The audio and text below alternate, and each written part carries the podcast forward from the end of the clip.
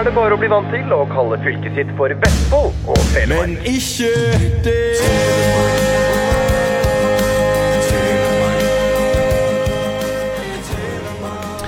Da fikk vi beveget oss eh, vekk fra bilen og inn i eh, huset til Lene Vågsli. Ja, vi er jo i for, kanskje faktisk sommerhuset ditt, er det det?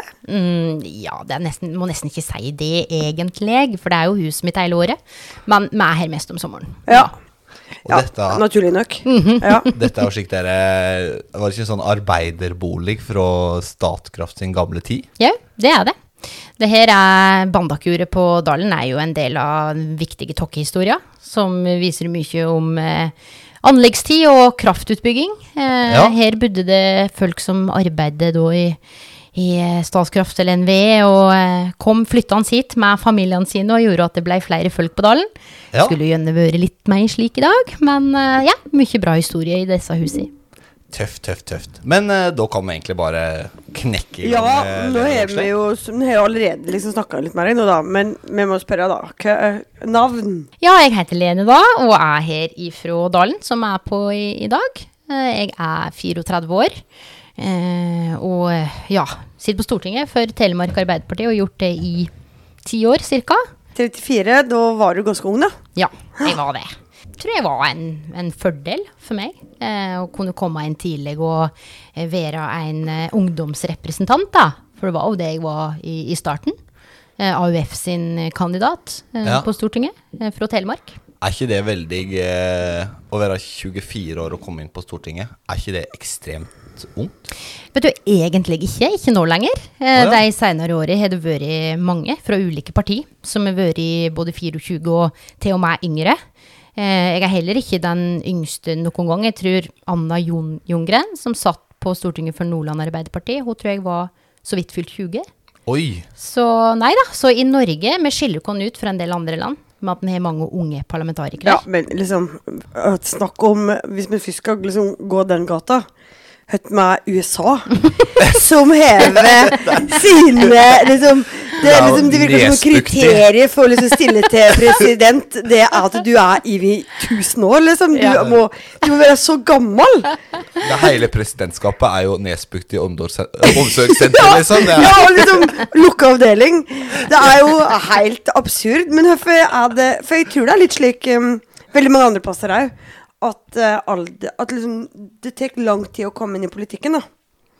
I Norge, tenker du på? Nei, i, i mange andre land. Ja, ja liksom. absolutt. absolutt. Jeg har jo vært på en del eh, slike komitéreiser, da. I Mm. både USA, Canada, jeg har vært i Asia. Mm. Og de fleste tror at jeg er sekretær. og det tror du? Eh, eh, ja. Ok. Eh, til og med i Canada, så når vi var der med justiskomiteen, som jeg leder, da, så sitter jo da lederen for den norske justiskomiteen på den ene enden av bordet, og så sitter Cana Canadas leder på den andre. Ja, ja. Og de, de kikka veldig rart på Ja. meg. Og ja, de trodde ikke at du var lederen. Nei. Var det deg på sida? Ja, nei, så De trodde at jeg har satt meg feil, og så lura de vel på når lederen skulle komme. Oh, ja. Eh, og jeg bare Hello, that's me. så ja, det, vi er heldige i Norge, som i både Arbeiderpartiet, Høyre, andre, alle partier har en del unge. Og så er det en del eh, midt eh, på treet, og så har vi nok litt for få, faktisk, av de eldste. Ok, men altså, nå har jo du vært politiker i så mange år da. Vet du sånn? Oi, ja, nei, det er jo egentlig lenger enn, det er lenger enn ti år. Jeg begynte da som leder i AUF i Tokke her når jeg var 15. Ok. Og så var jeg leder i AUF i Telemark eh, når jeg gikk på videregående. Jeg gikk på musikklinja i Skien. Ja. Eh, og så satt jeg en periode i eh, fylkestinget. Ok. Så Så du jeg- har hatt liksom en Du har jo vært politiker da siden du var 15 år. Ja, i grunn. Har du hatt andre jobber uh, utenom? Eh, Ja, heldigvis. Og det er jeg så glad du spør om. For det er av og til litt slik dere påstander om at eh, jeg, da, og en del av kanskje mine jevnaldrende på Stortinget, vi har ikke prøvd å være ute i arbeidslivet. Eh, det har det har mange av oss gjort, selv om ikke vi har arbeidet liksom 20 år på, på en arbeidsplass. Jeg begynte da tidlig å jobbe. Min første sommerjobb var på hotellet her på Dalen. Og så har jeg jobba en del år på Coop-en her på Dalen. Ja. Og jeg har hatt en fire-fem år på turistkontoret her på Dalen. Ja. Jeg har vært bartender på Rallaren på Notodden. ja. Eh, Jeg har arbeidet på turistkontor i Ulefoss og i Bø. Eh, Jeg har arbeidet med utviklingshemma i Bø. Jeg har vært lærervikar. Og så er jeg utdanna lærer Så jeg rakk å arbeide to måneder som lærer helt på Tokke skole før jeg eh, havna i Oslo, da. Okay. Så jeg har arbeidet med en del forskjellige, egentlig. Og det er jeg glad for. Tøft.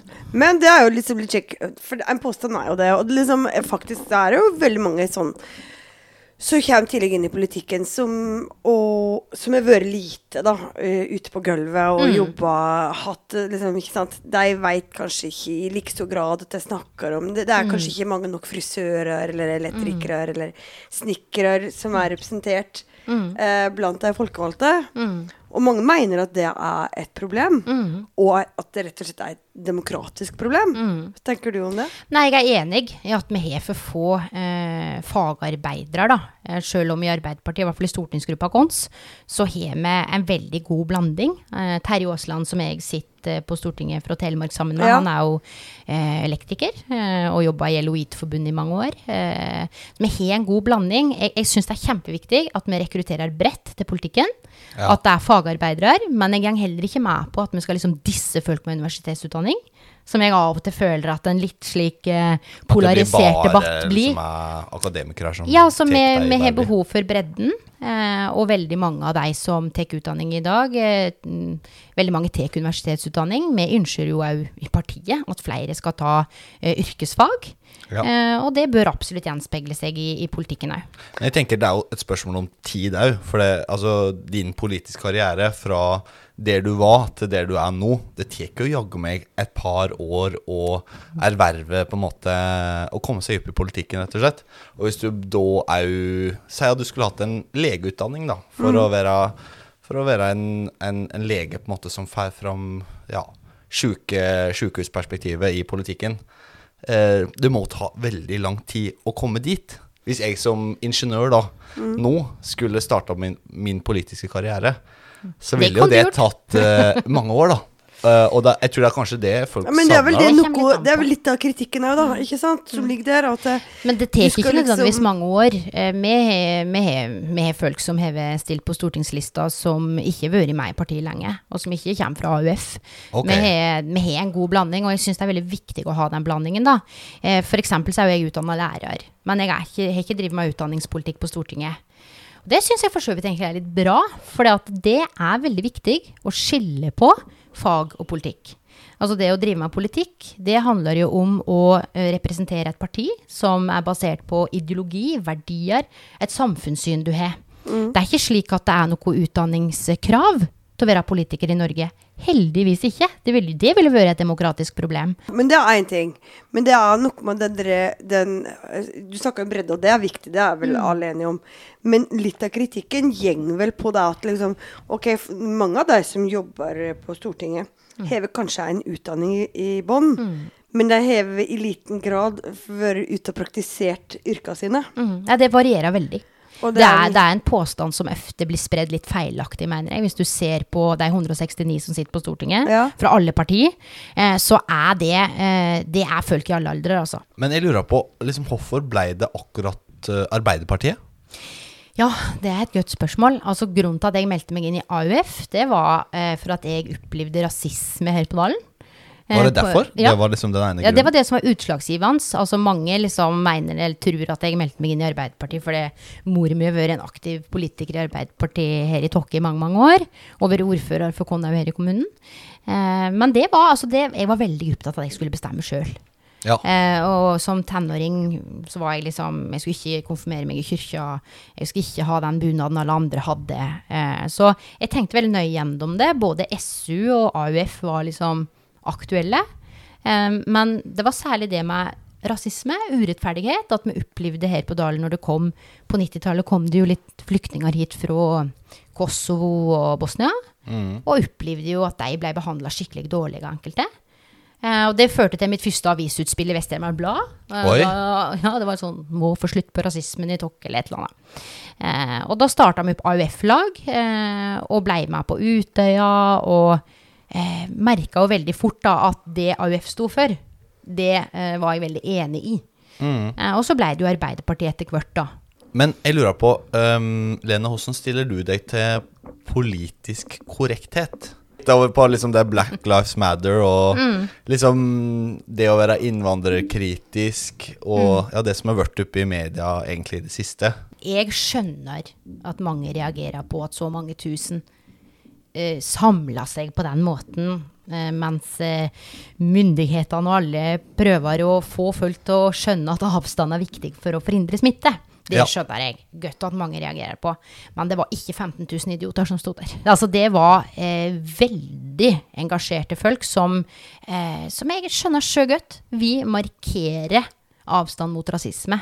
Eh, jeg har jo en kollega i justiskomiteen, Per-Willy Amundsen fra Frp, som har man får litt oppmerksomhet rundt det han mener om rasisme.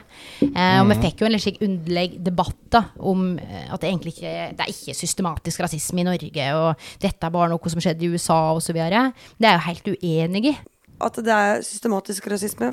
Mm. For du tror det, ikke sant? Ja, altså Vi har i hvert fall dessverre altfor mange eksempel på eh, at eh, eh, nordmenn med innvandrerbakgrunn, eller flyktninger, eller eh, personer som er norske og adopterte, men er mørke i huden, opplever oftere eh, å bli stoppa, kontrollert, enn det andre opplever. Eh, og så mener jeg at vi Men er det et- strukturell rasisme?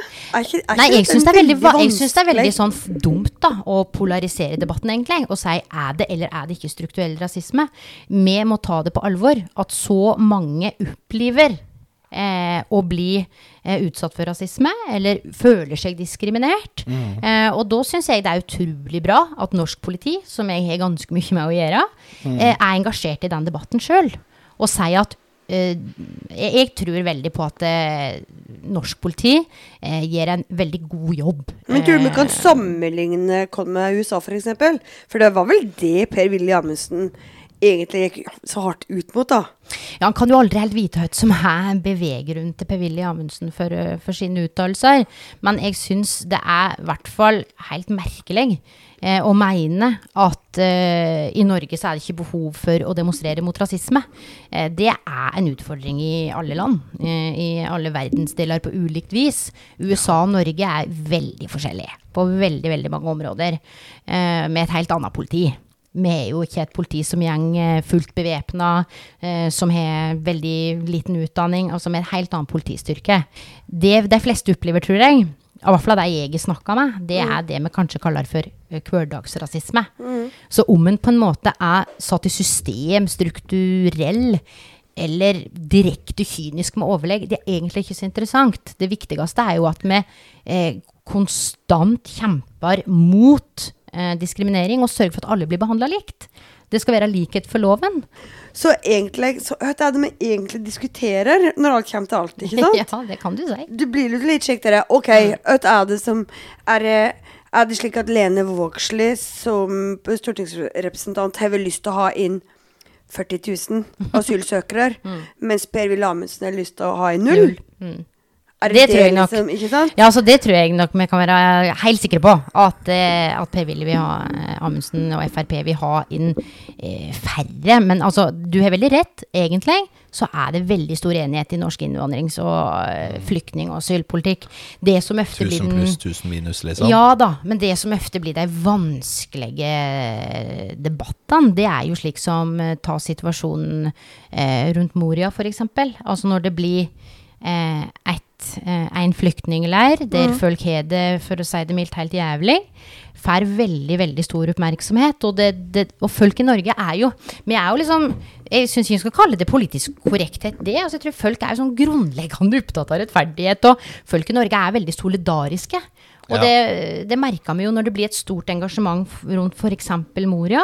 Så er det veldig veldig mange, òg i Arbeiderpartiet og andre partier, som, som mener vi må, få, vi må hjelpe deg.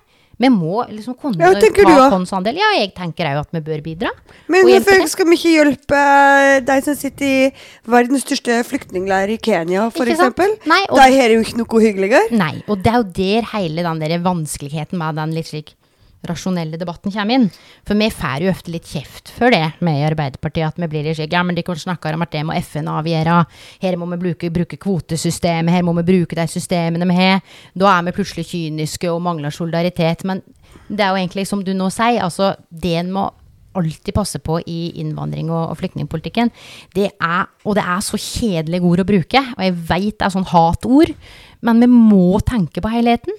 Altså, det er veldig vanskelig med en høpp og sprett-politikk her, sjøl om det kan føles og virke veldig riktig der og da. Hvem liker du best å sitte i, eh, eller sitte ved sida av meg på Stortinget og i stortingssalen? Altså, jeg får ikke velge. Jeg må sitte ved siden av Bård Hoksrud. Å ja, da. Ok, så Han er trivelig Han kar. Ja, Bård er veldig, veldig trivelig. Jeg og Bård har det Akkurat nå er vi skilt av et jækla dyrt pleksiglass på pga. koronatiltak. Så vi vurderer å henge opp gardiner og slikt da, for å gjøre det litt koselig. Men eh, på Telemarksbenken så sitter jeg og Bård ved siden av hverandre. Og så har jeg Åslaug Sem-Jacobsen rett ved siden av meg til venstre. Ok, men er det noen ehm, fra de andre partiene du liker spesielt godt? Ja, det er mange. Ok, Som du liksom anser som gode kollegaer. litt Ja, name-dropping ja, nå. ja. ja, ja, ja, ja, det er flere. Altså, I justiskomiteen så samarbeider jeg jo kjempegodt med Emilie Enger Mehl fra Senterpartiet og Jenny Klinge. Eh, jeg syns òg Peter Frølich, Høyre sin justispolitiske talsperson, eh, kjenner jeg veldig godt. Sitter i andre perioden med han i justiskomiteen. Ja. Solveig Horne, som var barneminister tidligere for Frp, hun er ei kjempedame. Hun har jeg sittet i ulike komiteer sammen med. Eh, og eh, er eh, grunnleggende opptatt av rettferdighet og kjemper på en måte veldig ærlig for sine saker ut fra sitt politiske syn. Eh, og så liker jeg òg veldig godt altså Telemarksbenken. Jeg liker Solveig Sundbø Abrahamsen. Jeg liker Geir Ja. Bekkevold kjempegodt. Eh, og Solveig er i hvert fall det jeg har vært veldig glad for. da Det er jo at Solveig og jeg har vært i Vest-Telemark en gang. Eh, selv om jeg kommer fra ulike parti, så føler jeg jo at det er Solveig og jeg som passer ekstra godt på Vest-Telemark. da ja. Eh, Så jeg syns det er synd at hun skal gi seg. Men hva har du har gjort spesielt for Vest-Telemark? Hvis du skulle ha nevnt noe? Ja, nei, det er jo en del forskjellig. Jeg arbeider mye med kulturpolitikk en del år. Ja. Eh, Så jeg satt i kulturkomiteen. Og da syns jeg det var viktig å, å arbeide for Vest-Telemark museum, f.eks. Jeg Ja. bidrar hardt eh, og aktivt for eh, meg penger i statsbudsjettet der. Eh, syns òg det har vært viktig å passe på denne veien vår. E134. Vi er jo veldig glad for denne nye tunnelen vi fanger, så vi Mm. kommer kjappere til Notodden hvis vi vil det, eller til Seljord hvis du er i Notodden. Ja da. Um, og he, ja, nå i det seinere har jeg jo òg samarbeida litt, må kanskje kunne si, med ordføreren i Seljord for å få på plass uh, at vi får uh, gjennomsnittsmåling i den tunnelen. Ja. Så ikke Ja, folk ja. kjører helt Ja, men den er eh, på plass, den. Ja da, den er det. Og der, der skal Hareide ha skryt òg, altså. Det var jo bare å få ut Frp av regjering, eh, og en god push fra Seljord kommune og benken, så kom det på plass. Ja. Um, Ja, for Frp, de ville ikke ha det. Nei, det er litt slik rart, det der. Ja, men hvorfor ville de ikke det, Men de liksom? vil ha rundkjøring i innkjørsla til Skjell. Strider det mot Frp liksom politikk faktisk kjøre er- normalt? De har personvernsargument mot dette. Å ja. det som stendig I forhold til registreringen? Ja. Å ja, Ja. ok. Ja. Men det er jo, jeg syns jo det, det hjelper ikke. Eh, når vi veit at gjennomsnittsmåling det er det mest effektive virkemidlet for å få ned fart. Og noen av de Altså Vest-Telemark Blad hadde. Men du, Hva? Lene, Det er sant, du, det er det jeg leser du FRP. Du kjører litt fort, du er. ah.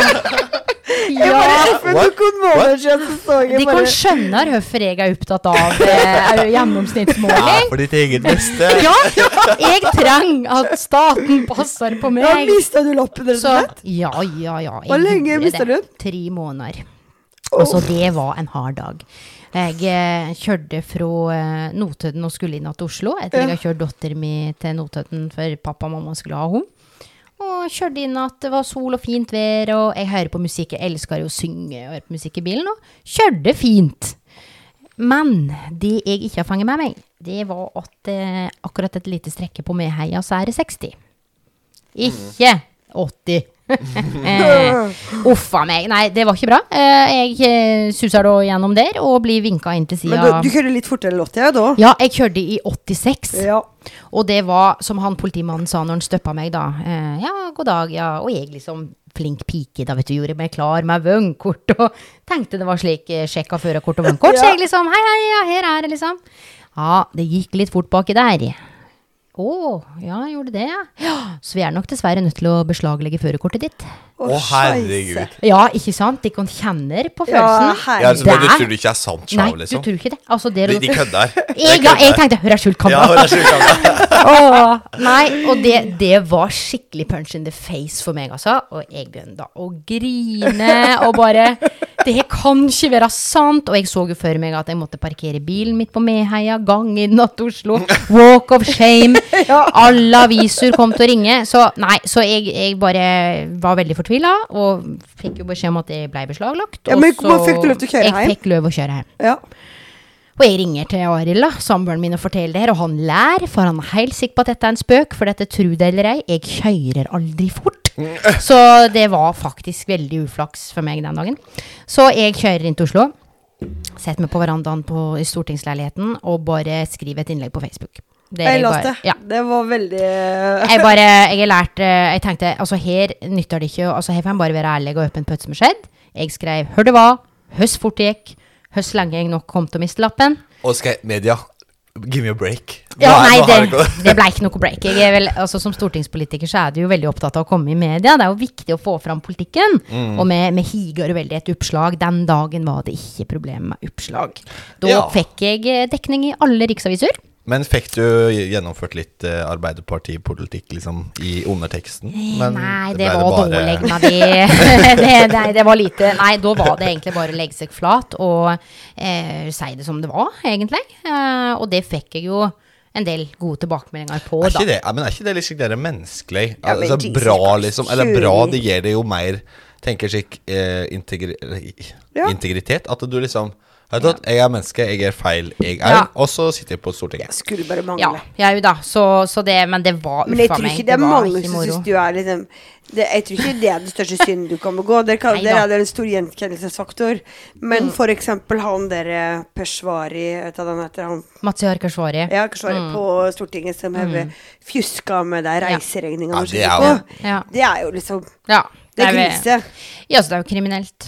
Ja, og så er det sånn dere- alvorlig. da, Det trigger et eller annet sinne i folk. Ja, altså det er klart jeg tror folk ser forskjell De ser forskjell på saker og, men, men allikevel da Han skal liksom ikke Jeg skal passe meg for å liksom Le for mye av det For det er klart at det, ser, det er ikke bra Når lederen av justiskomiteen Bryter loven Syns du, syns du Jonas Gahr Støre har gjort det bra som partileier? partileder? Ja, det synes jeg Ja, Jeg men synes må Jonas du si det fordi du er den du er, eller Nei. syns du det liksom Jeg synes det er helt med oppriktig på hjertet? Med hånda på mitt hjerte Altså jeg Men har jo tror opplevd han har Jens fått så også som parti kritikk?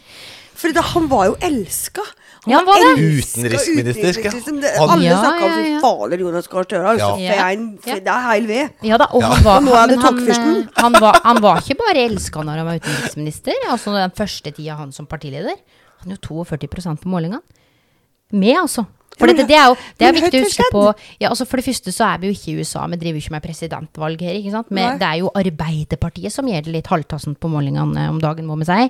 Eh, og det handler jo ikke bare om hvem som leder partiet. Eh, det handler jo om mye vanskeligere ting eh, enn Men han har fått ganske mye kritikk. Ja da, han har det, og, Og han har òg liksom- veldig mye ros. Men hvorfor tror du at han liksom på en måte hatt et sånt et, på en måte en sånn- et fall, da, i forhold til liksom å være på en pidestall? Det, Nå tenker jeg ikke at du skal ta han personlig også, det er ikke det jeg mener. nei, nei, nei, men er det som har skjedd? Er det de politiske sakene? Er det måten han har stått liksom, framstått på? øh, At det liksom hva er det som er grunnen til at øh, For det, når du ser statistikk, eksempel, så vil jo folk ha Erna framfor Jonas. Ja, hun leder litt, ja. Ja. Gjør det. Eh, nei, jeg syns det er veldig vanskelig å svare på. Eh, jeg eh, ser en partileder som ville ha vært en jækla god statsminister. Eh, og så tror jeg, jeg Jeg ser i hvert fall for min egen del, jeg sier som kollegaen min i Akershus, når vi lurer på hva som er problemet liksom, til Arbeiderpartiet, eller hvorfor er vi ikke bedre på målingene, så er det liksom noen må gjøre noe. Ja, noen det er deg. Altså, vi må skjønne at liksom, vi, vi, det kan jeg være helt ærlig på, målingene vi har nå, er altfor dårlige. Ja, hva er Altså- det? Liksom, hva er prosenten deres? Er det 23? 24 i vårt land så jeg i dag, liksom. Ja. eh, på en sånn junimåling. Og det er klart det er altfor svakt for, for Kon. Altså, vi, vi har jo ambisjoner om å være et mye større parti. Eh, og det, då, det handler ikke bare om hvem som er leder i Arbeiderpartiet. Jeg mener jo Jonas Jeg har jo òg hatt Jens eh, som leder i partiet. Og det er jo vi har av og til en tendens til å romantisere fortida. Men Jonas som leder, både for stortingsgruppa og for meg som representant, da, i forhold til å eh, lytte til eh, Telemark-saker, til å bry seg om det med hver enkelt representant sier, det ser han kanskje ikke så godt i media, men han er en fremragende leder på det. Og så må vi, jeg tror vi må bli flinkere alle sammen. Altså det er ikke bare Jonas eller Hadia eller Arild eller meg. Vi må bli bedre på å snakke så folk skjønner det. Altså Torbjørn Berntsen han sa en gang at hvis, hvis ikke du snakker så folk skjønner det, så kan du like så godt la være. Ja. Ja, altså det er noe i det. Jeg tror vi gjør det vans for vanskelig noen Ja, men ganger. jeg Vi kompliserer. Men jeg tror det mangler jeg, Hvis jeg skulle tatt en liten uh, Ja, for det med en analyse. Det påstand- er nesten en interessant påstand. for meg å høre hva Eh, for det, for det, hvis jeg skulle tatt en påstand da, når jeg ser debatten, så ser jeg en Jonas Gahr Støre på en måte som ikke er så folkelig. Når du f.eks. hører om hot han Men er betaler i, eh, i formuesskatt. Jo, til en større grad. Nei. Hun har bare øva litt lenger på det, tror jeg. Ja, Men, er det fordi du tenker fordi at han er penger, for eksempel? ja, At det en stor formue, for eksempel. Ja. At han er i en eh, På en måte en større elite. At han tilhører en slags Eh, elite, ja? Ja, liksom den franske utdannelsen og Men jeg skal, ikke, jeg skal ikke gå inn på det, men jeg tror det handler mye om Ja, men dette hadde han Han hadde jo de pengene. Han hadde de pengene når han var utenriksminister. Han hadde den utdanningen. Han snakka fransé da òg. Men da ble han genierklært. Så det er et eller annet Det som er det interessante, det er jo å høre det, det brekningspunktet. Hva er det som har skjedd? Jeg har jo stemt Arbeiderpartiet i nesten alle år, men jeg har slutta med det. Jeg har stemt eh, Miljøpartiet De Grønne eh, noen eh, venner nå. Og nå Jeg skal slutte med det òg. og neste gang så? Og hadde det ikke vært for Sånn, liksom, Mitt hjerte ligger er liksom, Jeg kjenner at det blir mer sånn sentrums eh, så Venstre syns jeg er jo hevet noen saker som jeg liker. Ja, da er du ikke blant så mange. Nei da, jeg er stemmer det jo en ikke som akkurat helt. majestet der. Eh, Rolls-Royce på målingene. men det, sy jeg syns at de heller Og der òg mangler det noen sånne gode eh, personer, liksom. Som Ja, det blir kan- spennende. Det jo hvem som blir ny leder i Venstre. Ja, og det blir kjempespennende. Mm. Men liksom sånn politisk så tenker jeg det Men det jeg tenker at Arbeiderpartiet mangler litt, det er det du, du snakker litt om det nå. Mm. Det er de nisjesakene. De må ha et eller annet som liksom Dette her Ja, blir det Arbeiderpartiet. Arbeiderpartiet for. Og er liksom jeg skulle ønske at Arbeiderpartiet hadde en Og jeg veit at det, liksom, argumentet vi alltid vil at Men det har vi. Men jeg Mm. skulle ønske at de kunne hadde hatt en mye tidligere miljøprofil. Mm. Som var mye sånn dere mye mer kompromissløst, da, men Mm. det skjønner jeg jo at dere som et styringsparti mm. kanskje må liksom Ja, dere kan ikke være så bombastiske, eksempel. Nei, altså, Vi mener jo faktisk at eh, det grønne skiftet og eh, måten å omstille Norge på i framtida for å nå klimamåla må skje på skuldrene av norsk industri. Og det er et eh, ganske forutsigbart og eh, viktig, altså tydelig Arbeiderparti-standpunkt. da.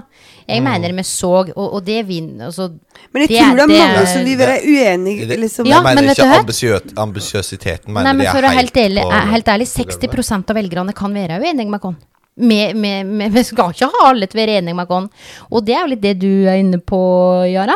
At eh, det er jo én ting å finne nisjene, men det er å være veldig tydelig på hva som er våre hovedsaker. For dette, vi har jo ikke et mål om 100 oppslu oppslutning. Så hvis la oss si, da og Jeg mener jo f.eks. at vi i Telemark bør klare 40 det har vi klart før. Det bør vi ha som mål. Og da er det 60% som ikke skal stemme på oss. For Ja, ja, å si det litt slik enkelt. Ja da, det er jo og, liksom ja, så jeg tror at det, i hvert fall for min del, for et sosialdemokratisk parti som Arbeiderpartiet er, det er liksom det som kommer til å være det viktigste uansett, det alltid vært det, kommer til å være det, det er arbeid til folk. Det er arbeid, arbeid, arbeid. Det er i Ja. hvert fall helt sikkert at mange av de her debattene, eh, og det syns jeg òg, eh, det er ganske kompliserte. Og det dummeste vi gjør som politikere, eh, om det er Jonas eller Erna eller hvem det er, eh, det er å eh, Altså, vi må snakke og det handler ikke om at folk er dumme, for folk er ikke dumme. Folk skjønner veldig mye politikk, og vi gjerne være med i debatter. Men Mm. noen ganger så blir vi så tekniske. Jeg syns deler av klimadebatten er vanskelig. Den er altså. kjempeteknisk. Jeg syns det er vanskelig å skjønne mye av det. Og, og bruker en del tid på liksom å prøve å sette meg inn i det her, da. For det er jo ikke, det er ikke klimapolitikk jeg driver mest med i mitt politiske virke. Nei. Men nå he, altså, de siste årene har jo vi betydelig skjerpa klimapolitikken. Og eh, det er jo lærerikt òg, for det når vi reiser rundt på arbeidsplasser og enten besøker eh, green tech-miljøene på Herøya, eller Ja, ja. vi snakker med Torgeir Strand og de som holder på med mye spennende innenfor eh, det segmentet, eller er eh, på en tradd industriarbeidsplass, så er det summen av det her vi må ta, i, ta med oss i det politiske arbeidet. Ja, For det er det ting er som er sikkert. Ja, og så er det én en ting som er sikkert for Arbeiderpartiet, mener jeg. At hvis vi begynner å utvikle oss i retningen av å bli et særinteresseparti, da blir vi mindre. For Ja. det, se på de to største partiene i landet. Hvem er det? Høyre. Høyre og Arbeiderpartiet. Og eh, det tror jeg det er en grunn til, fortsatt. Så vi folk har breie styringsparti, som ja, kanskje er vi litt kjedelige innimellom og har ikke de mest sexy utspillene. Det kan vi sikkert jobbe litt med. For det, jeg, jeg tror vi har litt å gå på der. Eh, men eh, ta på en måte nå i, i koronakrisa, f.eks. Eh, der har vi jo Folk kan snakke om å stenge oljekrana så mye det bare vil. Men hva skulle vi gjort nå uten å ha hatt oljefondet? Ja. Vi har jo til og med parti på Stortinget som var imot opprettelsen av oljefondet. Jeg trenger ikke nevne navn. Som nå bruker oljepenger som fulle sjø... Oi, jeg må ikke si fulle Ja, sjøfolk, men- for sjøfolk blir så sure. Men du skjønner at jeg mener? Men er det det samme partiet som hadde lyst til å selge hele Hele oljeindustrien Ja. til utlandet? Ja. ja. Og, og det er liksom eh, Det er en ting er norsk oljehistorie. Det er jo sikkert mange som så den der kjempebra serien. Ja, men den skal eh, komme eh, fortsettelse på? Oi, skal det? Hva Ja, det den hørt. uh, Den er fra Stavanger. Den er fra Stavanger. Ja. Lykkeland, ja. Ja. Helt fantastisk. Okay, for der ja. ser du òg hvor stor betydning det hadde de valga norske politikere tok den gangen. Noen kloke hoder. Modig og eh, veldig fellesskapstankegang. Ikke sant? Tenk det at egentlig så kunne jo Stavanger sitte i mål sjøl og bare jo, resten av landet har gjengen ad undas. Altså Ja. det at vi fikk til gjennom den norske modellen, eh, den velferdsstaten som ble bygd eh, i det landet her, eh, ja, den historien den er jeg utrolig altså, På vegne av eh, Norge, og ikke bare Arbeiderpartiet, stolt at vi fikk det. Når du Ja. ser hvordan andre land re regelrett driter seg ut og er skikkelig eh, fæle med både innbyggerne sine og alle. Og, og da tenker jeg òg at de oljepengene, det at vi har oljefondet, det at vi har fygd en handlingsregel eh, Utrolig liksom kjedelig ting, egentlig, men at vi sparer i gode tider for å bruke i dårlige. Det ser vi viktigheten av nå. Ja, ja, ja. Altså Før sommerferien jeg ble nesten svett jeg, når vi satt i stortingssalen og bevilga og vedtok krisepakka. Altså milliardene. De bare rann ut, altså. Og Ja. enda er det fortsatt egentlig litt for lite ikke sant? i forhold til permitteringsregelverk og slike ting. Ja. Så slik sett, Og noen sier er så heldige. Nei, vet du, Det der handler ikke om flaks. Nei, nei. Det der er poli bevisste politiske valg som er tatt, som er grunnen til at vi i dag har muligheten til å gjøre det vi gjør. Eh, og det er bra.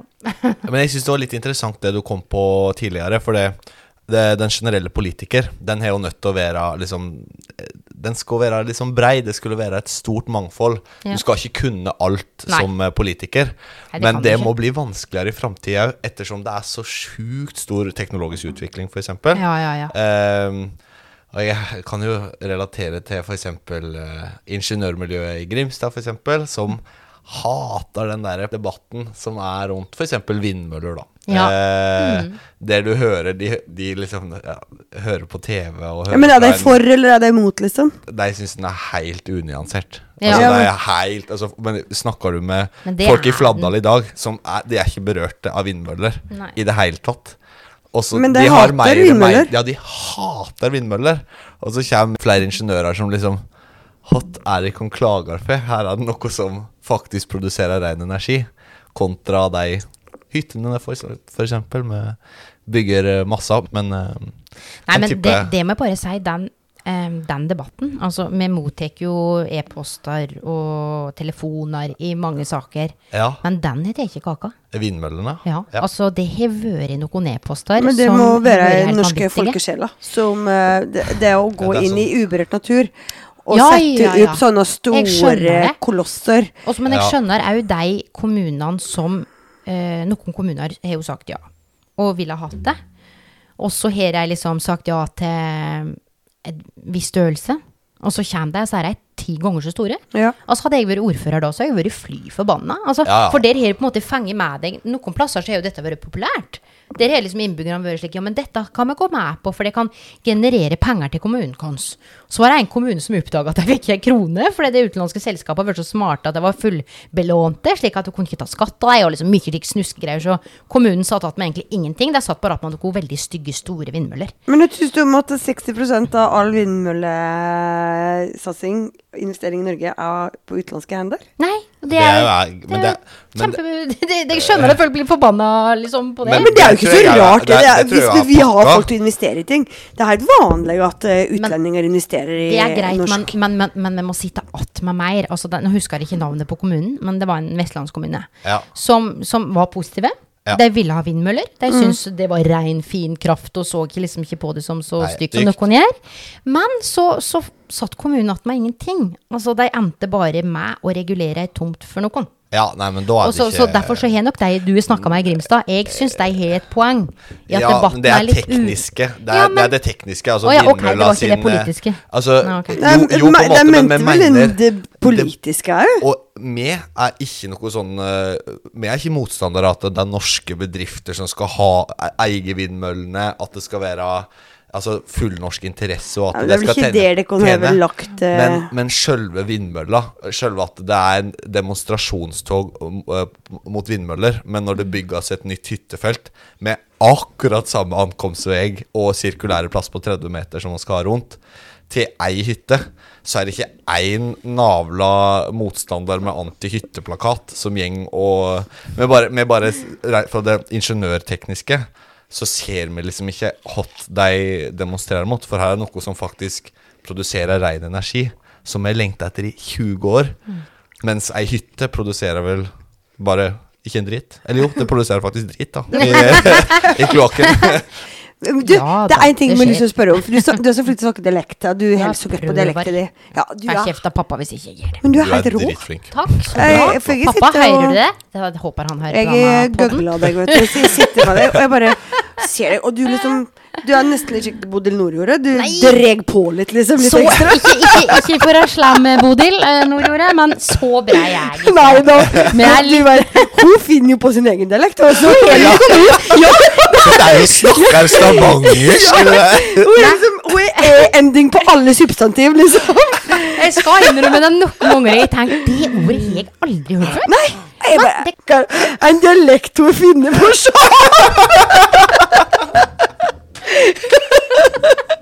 Så jeg bare lurer på om ikke han har hatt det i Nordjordet.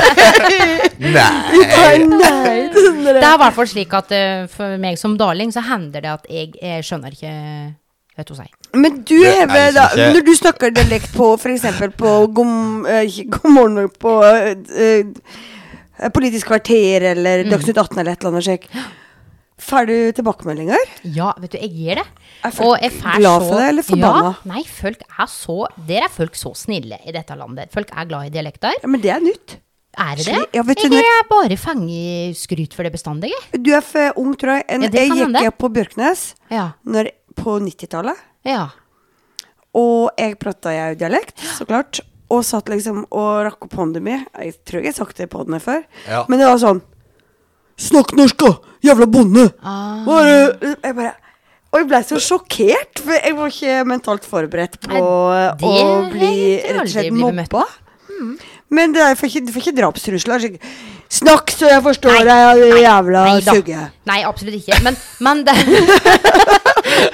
men det som av og til skjer eh, Jeg får veldig mye gode tilbakemeldinger for dialekten, og folk lurer alltid på hvor jeg er fra, hvis ikke de skjønner det, hører det, da. Ja. For det er noen som bare 'Å, jeg er jo fra Valdres.' Jeg bare 'Nei, nei, nei'. Så vi må jobbe litt med marketing her for uh, Telemark. Men der har jo Odd Nordstoga og Ingebjørg Bratland særlig bare ah, De gjør jo Ja, de har jo eh, revolusjonert Ja, de, de har bidratt sterkt, altså, til å liksom sette det telemålet, eller Vest-Telemark-dialekten, som er veldig forskjellig, da, enda mer på kartet. Og jeg ser på det som en fordel.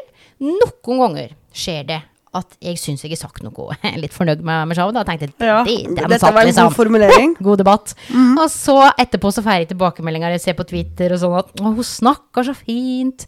Å, jeg får lyst til å kjøpe meg et småbruk når jeg hører hun snakke. Og jeg tenkte fader, står dialekten min i veien for budskapet noen ganger? Og jeg tror egentlig ikke det, men av og til kan det gjøre det. Altså, jeg bare Ja, men At noen blir så opptatt av når, når jeg er hører deg, så sitter jeg bare og til slutt Jeg, Jeg er så, så stolt av at du er så flink til å holde på dialekter. Er Så jeg sier ikke sitter si sånn Hør nå, hør nå. Jeg skal, jeg skal ta deg, liksom. Ja, du venter på en knot? Ja. Så jeg, så jeg sitter og skal, skal hun si liksom et ord nå som Eismale. Ja, men Ja. det ville jeg ikke sagt, faktisk. Nei, det er jo ingen som ville sagt. Ja. pappa, tror jeg kanskje. Han Han, er fra Haukeli. Det er veldig stor forskjell, da. På liksom bare her i Tokke. Eh, så Omdalsverk selvfølgelig hører du, for de har jo sin egen dialekt som er veldig kul og spesiell. Men her på Dalen til Skafså, Høydalsmo, Byrtemo, det er forskjeller. Ja, ja, ja. Så det er jo veldig artig, da. Eh, og jeg syns det er utrolig viktig altså identitetsmessig. Hvis jeg liksom plutselig nå hadde begynt å snakke bokmål, da, eh, da måtte jeg liksom bli kjent med en ny person av meg sjøl. Og jeg tror da at det er en fordel for noen av oss som har litt slik eh, dialekt som ikke er bokmål på en Altså Oslo-mål, det skiller seg jo ikke akkurat ut. Det er en fordel, for det, jeg hører i hvert fall noen, noen tenker at det Og det er så folkelig, liksom. Og det er nesten ikke dårlig gjort, da. For det, fordi om Jonas Gahr Støre snakker veldig Oslo-vest, så er han jo ikke mindre folkelig av den grunn. Nei, men hørte, liksom, hørte din politiske ambisjon? Ser du for deg sjef som statsråd, eh, statsminister? Åh, det var tøft. Deg som statsminister. Det er noen ganger jeg tenker Oi, stakkars land. Nei, men jeg Jeg, jeg, jeg har nådd Altså, jeg er det at jeg har fanget vært nå på Stortinget i ti år. Jeg leder Stortingets justiskomité. Jeg syns det er ganske kult. Jeg Ser det bra ut på CV-en din, tenker du? Ja, det gjør det, men samtidig så syns jeg det er ganske kult å få den uh, tilliten, da. Og det å kunne ha den rolla. Jeg er jo Arbeiderpartiets justispolitiske talsperson. Det Ja. å kunne uttale meg på vegne av et helt parti, det er jo litt uh, kult, det. Ja, ja, ja. Uh, Så slik sett så er jeg uh, kjempefornøyd med den rolla jeg har nå. Og hadde syntes det hadde vært jækla moro, da, hvis vi kunne ha vunnet det valget Og hvis jeg går inn, neste år. så fa tror du du får deg en telefon da av Jonas, og sier Kan ikke du ikke. bli justisminister, Lena? Hvis jeg har blitt justisminister, så ville jeg i hvert fall ha sittet litt lenger enn deg som jeg har hatt nå de siste sju årene. For jeg Ja. tror at hvis en blir statsråd og får jobbe med justissektoren f.eks., så er, der er det så mye å ta tak i. Altså, det er så Men da kan det ikke Arild drive og tagge på bilen din og sende trusselbrev i avisa. Da må han slappe av på den fronten det bør helst ikke gjøre.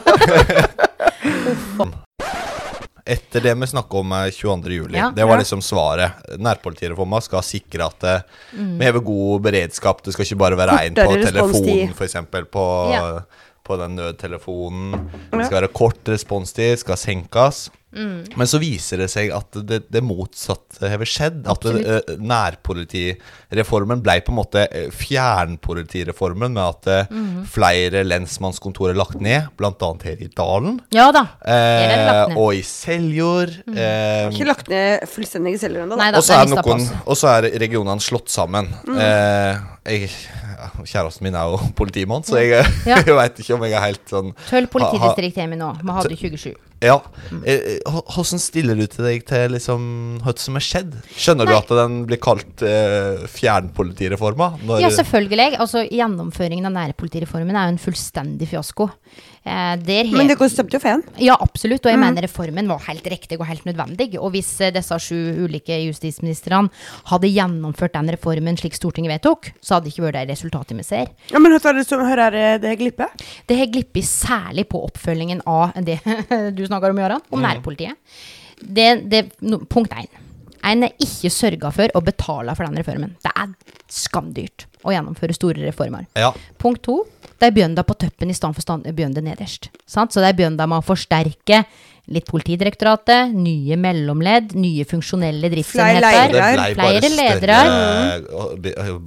Det her er liksom ikke Det er ikke 100-0. Jeg tror vi kan jeg, jeg mener at kvaliteten i deler av etterforskningsfeltet, mye av det som er gjort på det mellomledernivået, da, for å bare kalle det det, som Ja. heter det har blitt bedre. Men tjenestestedsnivået, som er det gamle lensmannskontoret, Ja. det har blitt utrolig mye dårligere. Og responstida. Responstida er dårligere flere plasser, særlig i distriktet. Og det som er så forbaska irriterende med det, det er jo for det første, det var ikke det med løva av velgerne. Det er ikke det som står i reformen. Og så er Stortinget to ganger vedtatt at alle gjenværende tjenestesteder skal styrkes. Ja. Altså, den er, den er lett å skjønne. Den Ja, ja, ja. bestillingen er ikke vrien. Nei. Og så skjer det motsatte. Uh, ta her på Dalen, da. Mm, ja, her er det det- jo lagt ned. Ja. I din Ja, heimkommune. og for å være helt ærlig, det var helt greit for meg. Det var helt greit hvis vi fikk et mye bedre eh, nærpoliti, hvis vi fikk en, et sterkere stasjon i Vinje, bedre patruljering, bedre responstid. Så for, greia var at her på Dalen og en del andre plasser satt vi jo med noen lensmannskontor som nesten aldri var oppe. Ja. Det var nesten bare irriterende. Jeg skjønner mm, se at, den eh, stengte de inn i. ja, så, ja. så det folk her mange ville, tror jeg, det var jo at vi ønsker at politiet skal komme når vi trenger det. ja også Og at det- de kjører litt, og at, du kan, at det er til stede. at du, du Det jeg blir litt frustrert over, nå kom det nettopp en ny politimelding. Og regjeringen bruker mye tid på å snakke om at nå alt er på nett. Men det er ikke sant. Alt er ikke på nett. Folk driver fortsatt med vanlig kriminalitet. Altså Her i området så hører jeg nå at folk er veldig bekymra for uh, mye mer fyllkjøring. Det Ja. blir mer fyllekjøring når du veit ikke er politiet der. Det er liksom jækla logisk, egentlig. Forebygging. Jeg er veldig bekymra for at det blir reaktivt politi. At det blir liksom Ja, nå har det utvikla seg litt sånn har rus eh, der og der i Vest-Telemark. Da må vi sette inn litt politi der. Poenget er at forebyggingen må skje før. Før det begynner å skje. Så da trenger vi langt flere politifolk. Og vi trenger også styrke det Men det lokale koster jo mye penger. Ja, men de pengene er der, altså. Denne regjeringen som sitter nå, har bruka 125 milliarder kroner på skattekutt på sju år. Og så har de bruka 4 milliarder på politiet. Så det er handlingsrom her, men det Ja. har ikke vært vilje. Og så har det heller ikke vært Jeg tror når det har vært så mange statsråder Jeg har jo prøvd å ta opp dette her med Kalmer og Listhaug og Vara og Sandberg og Amundsen og Amundsen, altså you name it. Hele gjengen. I hele regla. Ja. Og Difi-rapporter og Oslo Met-rapporter og Fafo-rapporter. Det, det er ikke noe å diskutere lenger. Denne reformen har ikke gjenget som den skulle. Men hvorfor får det ikke mer, for eksempel eh, Hvorfor uh, blir ikke det mm, debattert mer? Får ikke det mer oppmerksomhet? Jeg skulle gjerne stilt i langt flere debatter om det. Jeg har jo vært i en del, da. Men, men eh, jeg eh, Mitt inntrykk, da Vi prøver jo å selvfølgelig selge inn disse debattene til NRK og mange fordi vi mener at det er, det er for jæklig, på en måte. At Det er hot ikke potato, egentlig, Ja, som ikke og blir vist. selvfølgelig noen debatter har det vært, men Fredrik Solvang for eksempel, han syns ikke nærpolitireformen er sexy. Så det blir ikke debatt om det. Det er sant. Ja, men det, Det er jo heit, det er jo helt til den dagen da, Det er til den dagen når det virkelig skjer noe som da er det på bekostning av at uh, f.eks. responstida er for uh, dårlig. Ja, det, og det, nå så vi Thea her om dagen, ordføreren i Førsdal, Erik Skjervagen. Han går ut og er fly forbanna. Altså, det tar tre timer før politiet kommer Ja. til noe som skjedde i første hall. Det er klart, du trenger nesten ikke komme. Og for deg som arbeider i Nei, men det er nesten slik. Ja, og liksom skal bare drepe dama mi først. så Lokale, ja, lokale brannvesen, eh, ambulansen, er lenge før Ja. politiet, og da blir det sånn Ja, Ja, hør, altså- er politiet i eh, Og så utfordrer det òg Ta det med brann- og redningstjenesten. Her i Vest-Telemark så er jo det mange som gjør ved sida av jobben sin. Ja, ja, ja. Ikke sant? Det er en Eh, bijobb. Ja. Og de gjør jo en kjempejobb, og de er veldig dyktige. Og de kurser og har utdanning og alt det der. Men det er utrolig viktig at brann- og redningstjenesten, de som arbeider der, har tillit fra folk. Altså Det er veldig farlig, mener jeg, hvis folk begynner å bli redd for, i hermetegn, at brannvesenet kommer. For hvis de er først på en del plasser og begynner å ta i de politiets oppgaver, så er det plutselig flytta makt og myndighet, hvis du kan skjønne. Ja, men det, er jo, det, er, det kan få så mange Ja, men jeg er helt avhengig av at når uh, broren min, da, som arbeider i brannvesenet i Porsgrunn, og hans kollegaer, hvis de skal inn og sjekke et eller annet eh, i et hus som handler om brannvern og slike ting, og der bor det en eh, psykopat. Ja, eller Og- folk som er rusmisbrukere, og de tør ikke åpne døra for de er redd for å bli tatt av brannvesenet. Ja. Da har vi hatt en veldig farlig utglidning av hvem som kan Ja, ja, ja. drive makt. Så derfor så er det jo veldig viktig å få avklart roller og eh, finansiering og eh, ja, rollene mellom nødetatene. Hva ville du gjort da, hvis du satt i, ved roret og For, for det kan, som sagt, det stemte jo fe den Ja, reformen. Mm. Og det var, jo, det var jo relativt brei enighet Ja, eh, om det var det. den. Det, Det var ikke vi som tippa det, for å si det slik. Den hadde blitt vedtatt uten konststemmer òg. Den Ja hadde flertall uten. Men, Men det er jo noe dere mener at det var et behov. Ja, absolutt. Og det hadde jo noe med antageligvis hvis jeg skal tippe at det er noe med å effektivisere et system. Du trenger ikke 35 politistasjoner liksom, Mm. rundt omkring. Du trenger ikke én politistasjon i Fladal du og i trenger flere Seljord og i med Ja. folk i, liksom. Ja det er det da. du tenker. Det er det som er tanken bak. Men hva er det- ville du gjort eh, utenom det, det mest uh, tillegget å bevilge penger? Men hva for noe annet? Mm. Nei, jeg ville, jeg ville politisk i gjennomføringsfasen sørga for at vi starta nederst. Han skulle involvere alle kommuner helt i starten i slike avtaler da, som sørga for at du skulle være trygg på, som innbygger i Tokke eller Seljord eller Førsdal, at etter reformen ville tjenesten her bli bedre enn den er nå. Og det betyr at en skulle fra politidistrikt sin side sørge for å vise kommunen nå har du et lensmannskontor. Ja. Det kommer nå til å forsvinne. Men tilbake så får du typ tre patruljer. Ja. Ja. Altså, Da hadde du forankra endring lokalt først. Og så vil du begynne deg der. Jeg mener jo det er helt feil å begynne det i reformer eh, bare på toppen. Altså, ja, for det, det, der koster det mye òg, sikkert. ja, men så hører du òg regjeringspartiene si hele tida at ja, men den, reformen blir bra, den må bare få sette seg først. Altså, med, det har ikke folk råd til. Altså, kriminelle tar ikke fri. Ja, så det, Ja. der, det der er liksom litt tilbake, og det er en litt sånn avsporing. Men i Seljord kommune så er det krise om dagen med skole og og det skyhøyt sykefravær, og de har jo vært i en sånn omstillingsprosess med å liksom gjøre skolen om til liksom en enhet. ikke sant? Barne- og ungdomsskolen får en egningsleier. Spare i stedet penger. For sine rektorer, ikke sant? Og denne omleggingsprosessen da angivelig skal være så problematisk, det, det koster så mye liksom, Det er så mange møter, og det er så masse greier. Og at ledelsen fysisk er ikke på, plass eh, på skolen. Uh, lærerne er da sykemeldt all mass. Elevene sitter uten kompetente lærere. Og hvis den, liksom, hvis den reformen skal koste så mye in the making, så har jo ikke den reformen eller den omstillingen noen verdi.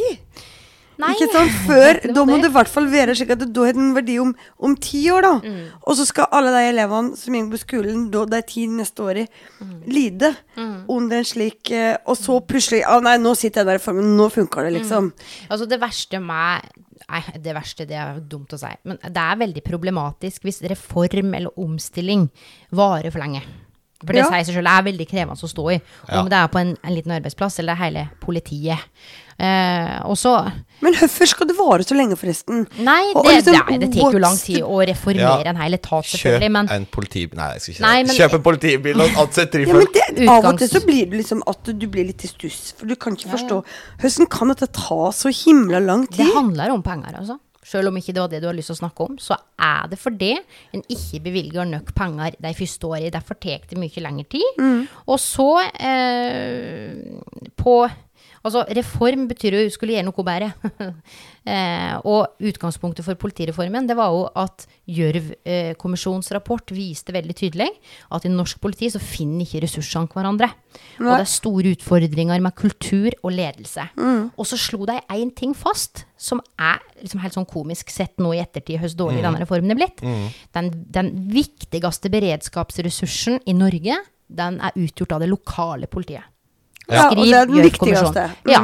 Og da er det eh, helt tragikomisk, egentlig, at det er det som er fått minst prioritet. Men hvorfor, hvorfor, er, hvorfor er det blitt lov å tolke det sånn? Er det ikke Nei, du skulle vært grau og. Rau og grønt jo, spør du meg, når folk snakker om men den er ikke dette er liksom ikke Har dere um, missa noe når dere har lest uh, papiret? Altså, er det Ja. Er det ikke helt liksom uhørt?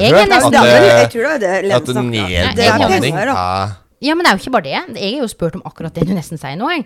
Til alle disse justisministrene vi har hatt. Jeg har stått i stortingssalen og referert ordrett fra forliket hva en skulle gjøre, og spurt hvorfor dere ikke gjort det. Og får ikke svar. Altså for eksempel det at alle gjenværende tjenestesteder skulle styrkes. Det er veldig lett å skjønne. Det betyr at når Drangedal får opprettholde sitt lensmannskontor, for de kjempa mot nedleggelse, og så fikk de gehør, og fikk opprettholde lensmannskontoret sitt, og ordføreren og alle jubla, ikke sant? Og så sitter jeg tilbake med et svekka kontor. Dårligere enn før reformen. Ja. Og da sier jo politimesteren her i Sør-Øst Vi er jo et gigantisk politidistrikt med jeg tror over 750 000 innbyggere. Og har big time økonomiske utfordringer. For her er, som Sigve Bolstad i Politiets Fellesforbund sier, da eh, En bruker mer enn han får penger fordi oppgavene er flere. Så her i Sør-Øst f.eks. så har ikke politimesteren hatt sjans i havet til å gjennomføre det Stortinget har bestilt. For de har ikke hatt nok penger. De har måttet nedbemanne i ei tid der vi hører fra sentrale myndigheter at politiet får ei historisk styrking. Så det det er klart de blir frustrert, de som jobber i politiet, og som òg er politiledere. Og passkontor, det er jo kjempa med nebb og klør for et passkontor i Vinje òg. Og Ja, så har det men- vært lova, og så har de nesten fått bevilga, og så kom det en ny tilsatt eh, politimester, og så ble det tilbake. Her blir det ikke på oss eh, men, men den visa der, den er enda verre, spør du meg. For det greia var at i hvert fall Arbeiderpartiet eh, kjempa for å beholde passkontoret i Seljord. Vi hadde passutstedelse i Seljord. Ja, det husker jeg. Ja, Det var kjempebra. Jeg fikk meg nytt pass der for et par år siden. Og så legger de ned det. Og så kommer Bård Hoksrud og reiser til Vinje. Og sender mail til Gøran Kalmyr at vi må få på plass et passkontor i Vinje. Og jeg tenker ok, Vinje Seljord Det er viktig å få det i Vest-Telemark, men jeg personlig mener at det var litt unfair for Seljord Og liksom plutselig Ja. skifte slik, da. Ja, men hadde det jo. Kunne det ikke bare være der? Nettopp, Det var der. Og, og her blir det bruka helt slik tullete If it's not broken, why eh, fix it? Ja, og så blir det Maskina kosta fire millioner, men da så kjøp den Det maskina, var og så er nok det folk som no trang pass eh, problem. her i Vest-Telemark. Men det som skjedde av det jeg så i media i Vinje, det var at han Ole eh, Sæverud, som er ny politimester her i Sør-Øst, som har vært i Tromsø før, eh, sa nei til det. Så ok. Men hvorfor da? Nei, det må nesten spørre han om. Jeg tror han syntes det ble for dyrt. For min del i hvert fall, så mente jo i hvert fall med at det var ingen god grunn til å legge ned passutstedelsen verken i Seljord eller i Kragerø. Vi erfarte jo til og med at folk fra Grenland tok seg en tur til Seljord for å ordne pass. For det var litt enklere å få time der, ikke sant? Ja, ja. Så det var jo egentlig en veldig fornuftig struktur. Men, men jeg skjønner liksom eh, Seljord Seljord er lagt ned. Ja. Men det er jo politifolk der. Ja da, det er bare passutstedelsen som er Men lagt ned. passus, du Ja, så, ikke ta så på lensmannskontoret er det fortsatt? Tjenestestedet er der, ja. Ja, ok. Det er det, men du kan bare vel litt ikke forlatt, fikse litt pass der? Det er litt færre, og så er det ikke passutstedelse lenger, nei. Så Ah, det er jo de facto et svekka tjenestested, sjøl om Stortinget jeg vet at det er helt motsatt. Før i tid vet du, så snakka han om husbråk og familie, familievold, men vold i nære relasjoner er eh, dessverre ombredt. Eh, Ja. Og det ødelegger en ting at det ja, det ødelegger liv både til, til unger og til foreldre. Og der har vi fortsatt en altfor lang vei å gå når det gjelder å på en Ja. måte oppdage, avdekke eh, og ikke minst forebygge. Ja, jeg tror Men, er- men hør, hør ligger problemet? Det, det tenker jeg på. For, at liksom, for det første uh, Jeg, når jeg var barn Jeg, jeg er barn av en far som slo eh, mamma og sine koner. Da. Han var gift flere venner. Eh, og det var grov vold i Konsheim. Men det, i dag, som 43-åring, syns jeg fremdeles det er vanskelig å snakke om det. Det er ikke et tema som jeg, som jeg vet tar opp. Og det er Han kom aldri i fengsel for all den volden han utsatte både Con og, og sine koner for. Og han ble òg beskytta av storsamfunnet. Mm. Det ville ikke blitt tatt tak i. Men hvorfor tror du at disse mekanismene For at liksom De er der ennå. Og at er det som gjør at eh, denne volden mot barn og kvinner, som det hovedsakelig er, da, får lov å fortsette. Og jeg tror den er mindre. Jeg tror den er mindre i dag enn den var på 70-tallet og 80-tallet. At liksom antallet har gått ned. Det er noe med holdninger og så videre å gjøre. Men det er et kjempeproblem. Ja, altså det er jo altså, svikt og svik, for å si det forsiktig. Det, det fins utallige forferdelige historier i folk som eh, ikke får hjelp når andre har sett. Vi har jo i Stortinget, både i justiskomiteen, men også når vi satt i familiekomiteen, samarbeida mye med, med Landsforeningen for barnevernsbarn, med Rettferd for taperne, altså mange av de ja, ja. organisasjonene som jobber virkelig for harde livet da, med å prøve å både få belyse alt de har opplevd, for det er jo en del eh, som du forteller om, som, som må live i dag med traumer fra barndommen, og som aldri har fått noe erstatning, eh, unnskyldning, hjelp eh, seinere i livet. Eh, så det har jo vært både mye debatt om, og der mener jeg fortsatt vi er for dårlige i Norge, da. Til å på en måte Vi har jo sett et eksempel fra Stavanger, for eksempel. Ei som har vært på Ja, ja, ja. Hun fra Jæren. ja, Mm. hun er jo møtt, som på en måte Ja, jeg har hatt en barndom som Den er helt forferdelig. Eh, og det er et så svikt, svik fra storsamfunnet. Mm. Eh, og så sitter du i hermetegn attmed ingen Ja, og hør, hør er liksom Ja, hør er justisen. Ja, og hør er straffe Hør er. Men det er en ting som jeg lurer veldig på. F.eks. bruken av omvendt voldsalarm. Ja. Eh, Høtt i all verden Mm. Hvorfor skal det jeg, jeg kan ikke forstå at det skal være vanskelig å få det til engang. Nei, helt enig. Jeg har kjempa for økt bruk av omvendt voldsalarm i mange år. Eh, og jeg utfordra Sylvi Listhaug faktisk på det sist som justisminister. Eh, hun var den som egentlig viste litt engasjement for det. Det skal hun ha litt kred for. at Omvendt om Omvendt voldsalarm. Altså for å forklare veldig enkelt, da. Hvis du i, det mest vanlige i dag, hvis du er utsatt som, som du sier, som ofte sier kvinne, så kan du Det blir Du er utsatt for vold. Ja, Ja, altså så er det en du- sånn knapp du hever rundt ja, det er liksom? din alarm. Det er en voldsalarm. Ja. Men det som vi har jobba veldig hardt for, og som har blitt utvikla i Norge, det er den som blir kalla omvendt voldsalarm. Da skal fotlenka Da er det en fotlenke som skal settes på den Utøveren. utøveren. Den Så som du som offer vold. skal slippe å måtte gå med den alarmen. Ikke sant? Men hvordan vil han godta det? Nei, det, Men det er jo ikke hva jeg kan velge, Jarand. Hvis oh, ja, du å ja, det er hvis han nærmer seg huset ditt. Ja, er det kan være- Hvis du banker og slår meg, Ja. Og så ringer jeg politiet, Mm. og så sier de OK, men da får du ta på deg en sånn kjede med en knapp, sånn at hvis du ser Jaran att, Så må du så må du trykke på den knappen. Men da er du kanskje fem meter fra meg med en stor kjøttkniv, Ja.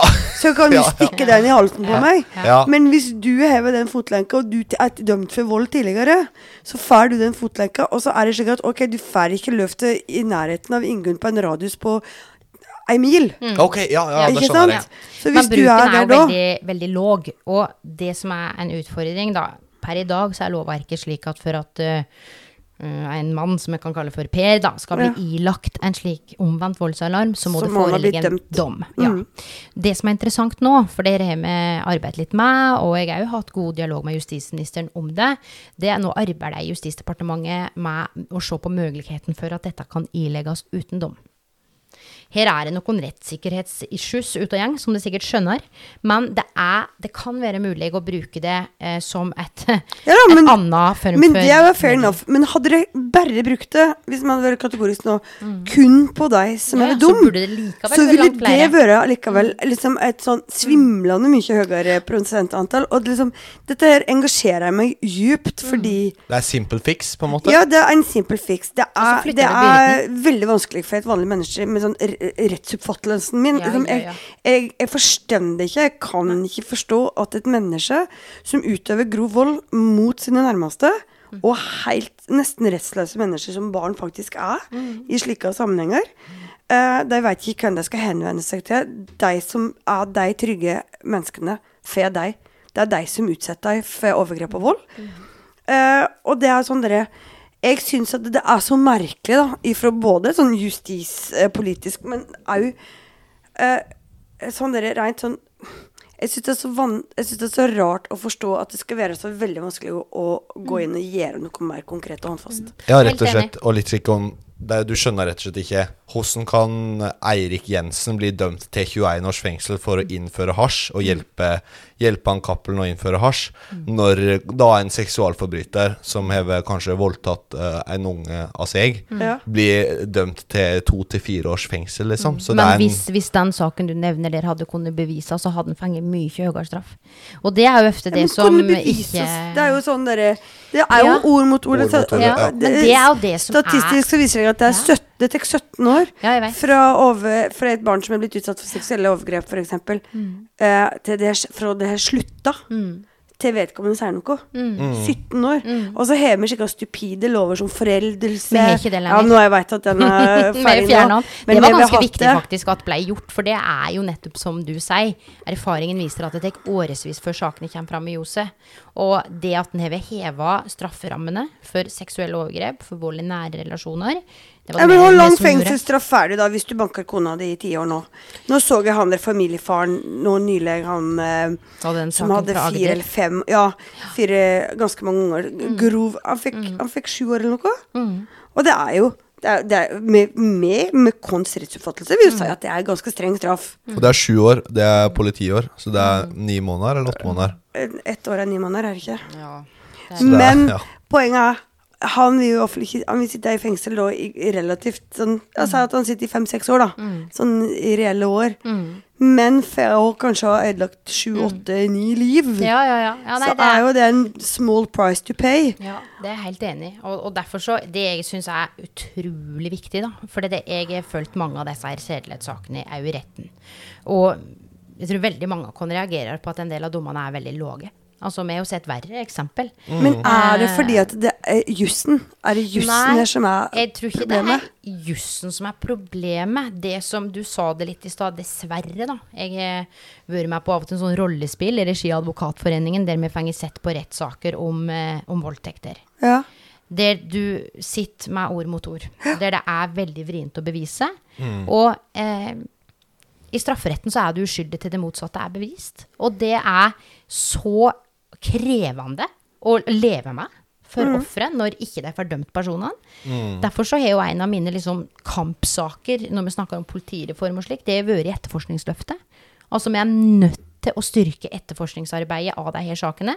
Det er i når du leser domspapirer, da, for det, det gir jo ikke alltid når du får sett en overskrift dømt til og så veldig låg straff, og så reagerer de alle med avsky og tenker det går jo faen ikke an. Ja. Skulle jo sitte mye, mye lenger. Ja. Så er det jo sikkert mange detaljer i disse her dommene vi ikke får lese. Eh, der som oftest, da, når jeg går litt inn og sett i noen, så er det at eh, det mangler beviser. Og da, som du sier, da, det er jo ja, men hvordan skal, du så- finne, hvordan skal du lage et bevis, Nei, da? det er jeg, er jente som Nei. er blitt seksuelt misbrukt fra hun var Men seks tenk hvis år hun mener til hun da. var 16, og så snakker hun om det ti år etterpå. Det er umulig å finne det fysiske beviset som er der. Men hvis du er veldig hever en, krevende, en, kon, en, eh, en historie og du sitter med et troverdig menneske foran deg. Ikke sant? Og det- Jeg skjønner at dette er vanskelig. Ja, men kan jo ikke dømme folk uten bevis. Nei, det er, det er kanskje det det gikk på. Du kan ikke Men er Hvis du ikke liker faren din, da. Nei, nei, men, nei da, men Derfor så syns jeg det er så utrolig viktig da når vi diskuterer eh, sivilrettslige saker, f.eks. Vi har jo hatt en del saker òg der eh, en person ikke dømmes for det straffbare forhold, men dømmes til å betale erstatning. Jeg mener jo det er litt problematisk, egentlig. Men det er utrolig viktig at du i de sivile sakene har mulighet til å få erstatning. For det er dessverre slik at noen saker blir ikke oppklart. Og noen saker klarer du ikke bevise tilstrekkelig for at folk dømmes til straff. Men straff, straffekrav i sivile saker er lågere, slik at ofre og etterlatte, f.eks. når vi snakker om drapssaker, da, kan i det minste få en form for erstatning. Økonomisk kompensasjon. Men det vil jo aldri hjelpe. Derfor så, så syns jo jeg det er utrolig viktig å kjempe for å styrke vernet rundt de som er utsatt, slik at de ørker, tør og våger å melde så tidlig som råd. At de som er utsatt for voldtekt, kan oppsøke et voldtektsmottak for å sikre bevis. Slik at, eh, og jeg, jeg har møtt mange, og det skjønner jeg, som vi hører eh, når på en måte for mange saker henlegges, når det blir slike dommer du snakker om, så er jeg veldig redd for at det fører til at færre anmelder. Og at da flere Altså, de, de stoler ikke på systemet. Men det viser seg jo gang på gang. Ja. Et voldtektsoffer eh, melder eh, som regel ikke sin voldtektsovergriper, på en måte. Og et eh, barn av eh, en far i en voldelig relasjon sier som regel heller ikke Går heller som regel ikke til politiet. Nei, og derfor så gjør vi jo Noen kommuner gjør en veldig god jobb. Det må jeg bare si. Men vi har fortsatt en vei å gå når det gjelder å klare å styrke laget rundt de minste lokalt. Eh, vi har jo, Det høres byråkratisk ut, men jeg, jeg mener at alle kommuner må ha handlingsplaner mot vold i nære relasjoner. Konkrete. Altså, Ja, men, skal men, jobbe men, her i du men har du kan sjekke det, liksom, for eksempel i forhold til Det, er, det fins jo slike krav på andre, på andre plattformer. At liksom Du skal ha et, en beredskaps... Ja, ja. eh, Ikke sant? Nettopp. Og det er ikke krav til det. Nei. Det er kun en veileder, og det har vi kritisert uh, lenge. For det, det er et, et godt poeng, det du sier der. Vi har altså en beredskap mot terror. Vi har beredskap mot skogbrann. Vi har beredskap mot mye etter hvert. Ja. Selv om ikke alt er like bra. Vi må, eh, altså vi må forstå at det de her eh, ungene, eller damene, og til en viss grad også noen menn, opplever, det er terror i deres hverdag. Ja, ja, og, og, og, da, og da Det er noen kommuner, flere og flere, som gjør en god jobb, og politiet er bedre på å etterforske. De avdekker flere saker enn før. Det er veldig bra. Også særlig siden overgrepssaker på nettet har blitt en, en stor utfordring, for Mm. å si det mildt. Eh, men det er, det er helt avgjørende at du klarer å fange det opp tidlig. Og da er f.eks. den avvergingsplikten som alle har som arbeider med unger her. Eh, taushetsplikt er jo regulert på 14 000, og overdriver litt, altså, men måte, ja, ja. som gjør at det er jo ganske forvirrende for en del som arbeider i profesjonsyrkene med unger, og vite hva de skal forholde seg til. Jeg tror det trenger, trengs en opprydning der òg. Slik at ikke folk misforstår en taushetsplikt, f.eks. Det tror jeg, men det er, det er ganske klart. Jeg jobber jo som lærer, og det er sånn du, Det får du helt klare føringer. Får du et barn som f.eks. For forteller at den blir slått til deg, men han ber deg om å ikke si det vi gjør, så skal du uansett ta det videre, liksom. Men du er plikta til å snakke med barnet om det. Uh, du kan liksom ikke gå bak ryggen. Det skal være, det skal være transparent da, hele veien. Men jeg bare Det, det, det overrasker meg liksom så veldig at det, med i 2020 fremdeles sitter uh, med det problemet så, så ganske liksom eh, at det, at, det, at det er så omfattende som det faktisk er. Eh, og at det er så vanskelig å faktisk gjøre noe. Det tenker jeg. Og det er liksom sånn politisk så må Det er jo du, da, som må virkelig gå inn i bresjen der. Ja, og så jeg tror det er utrolig viktig å ikke privatisere problemstillinga på en måte. For det er litt for ofte i debatter om dette, og så hører jeg liksom Nå må vi tilbake med den gamle nabokjerringa, vi må bry oss Ja, ja. mer om hverandre. Så jeg Og Gro Harlem Brundtland, ja da, sier altså, den gode tallet. den er fin, den. Ja. Men det holder ikke, altså. Eh, vi er nødt til å gjøre mer fra det offentlige sin side. Og vi kan ikke lese alle problemer over på skolene. Den dagen de barna som blir utsatt for all den skiten, når de kanskje blir sett og hørt, så vi er færre være på trygd, og det vil være Det vil få helt sånn konkrete eh, utslag, da. Det er jo faktisk, selv om det høres litt sånn kynisk ut å snakke om penger, så mener jeg vold i nære relasjoner koster samfunnet 6,5 milliarder Ja. kroner i år, eller noe slikt. Det har jeg hørt. Så det er helt sånn Koster det- mye penger. Det koster mye penger, og så er det enorme menneskelige konsekvenser. Og så Ja, jeg tror liksom oppi alt dette her nå, da det, Mye har blitt bedre. Men blir ikke Ja, du frustrert? men, eh, For at du ikke, du, blir føler du ikke at du liksom ikke får gjort nok? Ja, men det tror jeg alle føler til tider, da. At en ikke får gjort nok. Men, eh, Men er det jeg, noe jeg, du kan liksom tenke Kan ikke bare konkret gå inn og si Fader rullan, bevisbyrden Vi må i større grad kunne tro på eh, fortellingen til offeret. Det blir, altså Der har det heldigvis vært en endring i, i voldtektssakene slik sett. da. De, eh, når det gjelder på en måte troverdighet og det å bli trudd når du kommer med en anmeldelse. Men statistisk så er det ganske ræva likevel. Hvor mange er det liksom Hvis du anmelder en voldtekt, så er det uh, 20% sjanse for at uh, voldtektsmannen blir dømt. 80 Ja, altså- for at den ikke blir det. Ja, og så syns jeg jo kanskje enda kvalmere er at altfor mange saker henlegges, henlegges pga. kapasitet. Altså, én ting er hvis en sak Ja, blir og slett det er ikke ressurser til Ja, å ja. eh, etterforske den. det er på en måte Det er litt hardt og brutalt, men hvis en ikke kan bevise Man en er Forstå i verdens rikeste land, ikke sant? Men jeg kan, jeg kan ikke gå med på at saker henlegges pga. kapasitet. Du bor jo i Oslo. Uh, I stortingsleilighet. Ja. Uh, men kunne du tenkt deg å flytte tilbake hit til um, Fagredalen? Ja, eh, det kan jeg absolutt. Jeg er jo så heldig at jeg har hus her, og får være her veldig mye. Men jeg, jeg må jo innrømme at jeg liker litt den situasjonen jeg er i nå. For dette, nå kan jeg pendle mellom å være her på dalen, på bygda, og med barndomsvenner og familie. Og så Ja. er jeg veldig glad i by.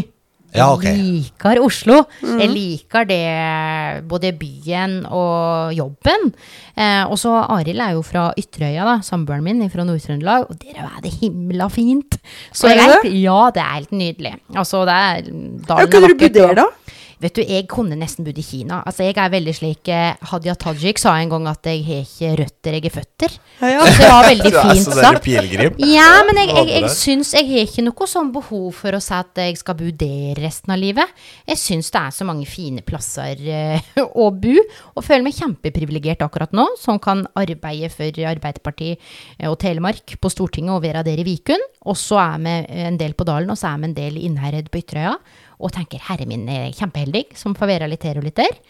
Så ja, jeg vet ikke helt hva framtiden bringer. eh, Men jeg kunne absolutt ha bodd på, på Dalen, men da måtte jo hatt en jobb, da. Og jeg har jo egentlig Du er jo adjunkt. Ja, vet du hva, jeg har jobben din på deres skole ennå. Nesten litt dårlig samvittighet for det, på en Ja, du er liksom Du, vet, Du er i permisjon. kan- Jeg er i permisjon, ja. Men hvor lenge er det ikke lenge- ja, kan grenser for hvor lenge du kan være i 40 år i permisjon, permisjonen? liksom? 40 år i permisjon? Altså, sorry Sigvald Oppmund Hansen, men nå outa jeg han litt. Men han var per, hadde permisjon fra Pøsten i 24 år, når han satt på Stortinget. Nei. Men er det ikke en grense? det. Nei. Hvis du hadde flytta tilbake hit, da, hva Mm. skulle du gjort liksom for å løfte dette, områ dette området? Hot med en ny næringshage. Oh, Revolusjonerende, Wow, ikke det er ingen tenkt på Ja. Nei, men Ego Jeg og Arild har jo Eller egentlig Arild sin idé, da. Jeg syns det har vært kult med en zipline i Vidalen. Åh, Ikke det vært tøft, da? Bare liksom Kom til dalen, ta en Det ligner på en kraftledning, for nå er du i kraftsentrumet. Ta zipline. Tenk deg. Det har jo drevet drevet jæklig med folk. Ja, jeg har vært ja. det en kul idé? Jeg har tenkt på det, for jeg har kjørt masse ned til dalen når jeg har vært på arbeid. Ja. Og den der 300 kV linja som går over her, øst-vest, Ja. den er så den er så svær, liksom. Og det, Mm. tenk å bare koble seg på med en sånn liten Og så bare Ja. sjo, Ja, måtte ha gått i flere hundre i. Ja. Eller så er det Altså nå er jo vært så himla varmt de siste dagene, da. Og eh, vi har jo fanget her Sitt kjempefin badstue nede på tanga her på dalen.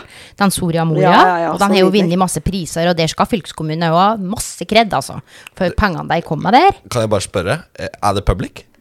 Er det en public plass? Ja, det er Jeg det. ble, jeg, jeg, ja, men nei, det er ikke jobb- private. Det var- hadde ikke gått. Jo, men jeg, ble, jeg var på jobbintervju. Ja. Og jeg var liksom første jobbintervjuet mitt eh, i Statkraft. da Og jeg syns det gikk litt dårlig på slutten. Jeg fikk liksom ikke den tida jeg følte jeg trengte. Og slik Ja. Og så eh, var jeg litt deppa, så jeg tok lunsjen da der ute. Tenkte jeg skulle sitte aleine På Soria Moria? på Soria Moria. Ja. Og så kom det to gjester fra Dalen hotell som mente jeg hadde booka hele Soria Moria. Så jeg Nei. fikk ikke løv å sitte på benken utafor badstue.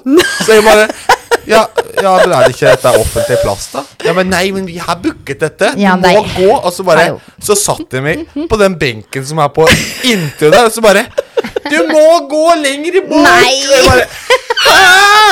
Hvorfor det? Ja, men vi har booket den, ser du. Du kan ikke sitte her. Nei. Jeg bare åh, Så ble dagen min ganske Så bare liksom, følte jeg verden var litt imot meg, egentlig. så bare satt jeg. på en sånn stusslig benk midt i skogen, liksom ikke noe utsikt. Og du mista den God morgen og-yoghurten og bare sufla den ut på Nei, det er ikke privat. Absolutt ikke. Nei da, Ja. men det er Men du? et godt poeng. Skal vi prøve noen dilemmas før vi Du runder får ta av? deg, Aron. Ja, du, vi fikk liksom et uh, Oi. eh, vi fikk uh, Jeg var, vi var på Nutheim i går og hørte på Hot Club de Norvège. Hadde konsert på Nutheim. Og så var vi i liksom aftermathen og drakk litt og kosa oss. Så var det kom det ei som heter Kirsti Solberg og var så skuffa over at de hadde slutta med Dilemmas. Så vi utarbeida noen flotte oh, dilemmas eh, sammen. Så, så eh, ja, da, da kommer de på Og det er ikke kons, altså. Det er, Nei, det er- det så jeg skal ikke skylde på dikken for at det blir ille. publikum Det er sine. Ja. Oi, oi, oi. Eh, ok. Nå får vi høre. Asylsøker eller homofil på bygda? Om jeg, hva jeg ville ha vært, liksom? Ja. Homofil på bygda. Jeg opplever jo at eh, jeg har mange homofile venner, Ja. både i bygd og i by. Og selv om det fortsatt er litt å jobbe med, for å si det slik, så har det blitt betydelig bedre Ja. å være homofil på bygda i dag enn det var før. Jeg tror fortsatt det er rimelig eh, beintøft å være i en situasjon der du må flykte og søke asyl i et annet land. Ja. Godt svar. Eh, Jeg er helt enig. Jeg bare, Jeg er bare tok den. Ja. Eh, hvis du måtte velge eh, potetgullhud eller å flasse konstant Å, herregud, potetgullhud. Ja. Eh, Det er så mye greier med den huden min allikevel. Jeg har ikke orka det der flasse... Altså, det er jo Det er jo Uff, det er litt sånn Nei, jeg hadde gjerne Hva er potetgullhud? Eh, Det veit ikke jeg heller. Jeg har hørt om appelsinhud, det har vi jo litt her og der. Potetgull? Se for deg Kims Jeg riffa. liksom tenker der vi kjenner at vi er litt gnupp ut. Ja, men potetgullhud, det er når du er helt ruglete. Ja, liksom ruglete Kims eh, salt, liksom, og så blir det sånn dvass. Samme det, liksom. jeg gjeng for det. Jeg hadde flassa. Ok, den her er bra. Eh, klask, eh, klappa på rumpa av Trond Giske eller aleine på nachspiel med Høyres eh, Christian Tonning, Tonning Riise? Klappa på rumpa av Trond Giske. Ja, for det kan være kompiser. Ja, altså, jeg, det, altså, det valget du ga meg der Nei, nei, nei, det, det skulle gått Men bra. øh, skal vi være aleine på norsk? Jeg måtte jo velge. Ja, det har sikkert blitt Ja, det har blitt uh, klappa på av Trond Giske glatt. Satt ned på skuldrene hans og okay. hørt på konsert. Men den her gleder jeg meg mest til. Eh, backstabbe Jonas Gahr Støre og bli statsminister. Eller gi seg helt i politikken. Ah, gi seg helt i politikken. Du, det visste vi at du skulle svare, men nå skal vi, vi, må, vi, vi må ha, Neste gang så må vi ha med Vi må ha med skikkelig løgndetektor. Fy fader. Nei, vet du hva, det verste, verste du kan gjøre, om det er i politikken, i vennskap, du er backstabbing. Det gjør du ikke. Ja, men du, Ja, du som, ja, men du som er i No politikken, Lene. Du, du må gi deg med politikken. på Altså, toppen. du må, Det er så masse backstabbing. Ja, det er det, det de som driver med det, får holde på jeg lett vera. Da slutter jeg heller og kommer hjem til Dalen og tar den veldig fine jobben jeg hadde som lærer, hvis det var det valget jeg måtte stå for. Men å bli statsminister, Lene ja, vet du hva, det tror det jeg din drøm? Nei, vet du hva, jeg tror de kan undervurdere hvor mye drittarbeid det er med det. Okay. Altså, tespe, jeg, altså, jeg tror det er kjempekult. Det er, det er noen som sier at det er moroere å bli statsråd enn å være det. Ja, liksom den, I den korte perioden Når du stemmer står på liksom- Slottsplassen og blomster og yeah, og du får danse sånn rart som Abid Raja gjør, ikke sant? ja, Den ja. der, eh, 17. mai. Ja da, eh, men eh, backstabbing? Nei, det driver ikke med, nei. Det gjør ikke du. Nei, altså med, med Jeg- det var, jeg hadde backstabba i på, ja, ja, Det var liksom enighet på kjøkkenet ditt. Liksom, jeg jeg spurte Steinar der. Ja, alle, alle hadde backstabba. Ja, alle hadde backstabba. Ja, ja, ja, ja, backstabba, lett. Før å bli statsminister. Ja, da altså, hadde jeg og- gjort masse rart. Ja, men det er skuffende lite. Det kan få ligge i luften. Du, ok, Syns du Abid Raja er en klovn, eller syns du han er en dyktig politiker? ok, der fikk vi svaret! Takk for at dere hørte på i dag!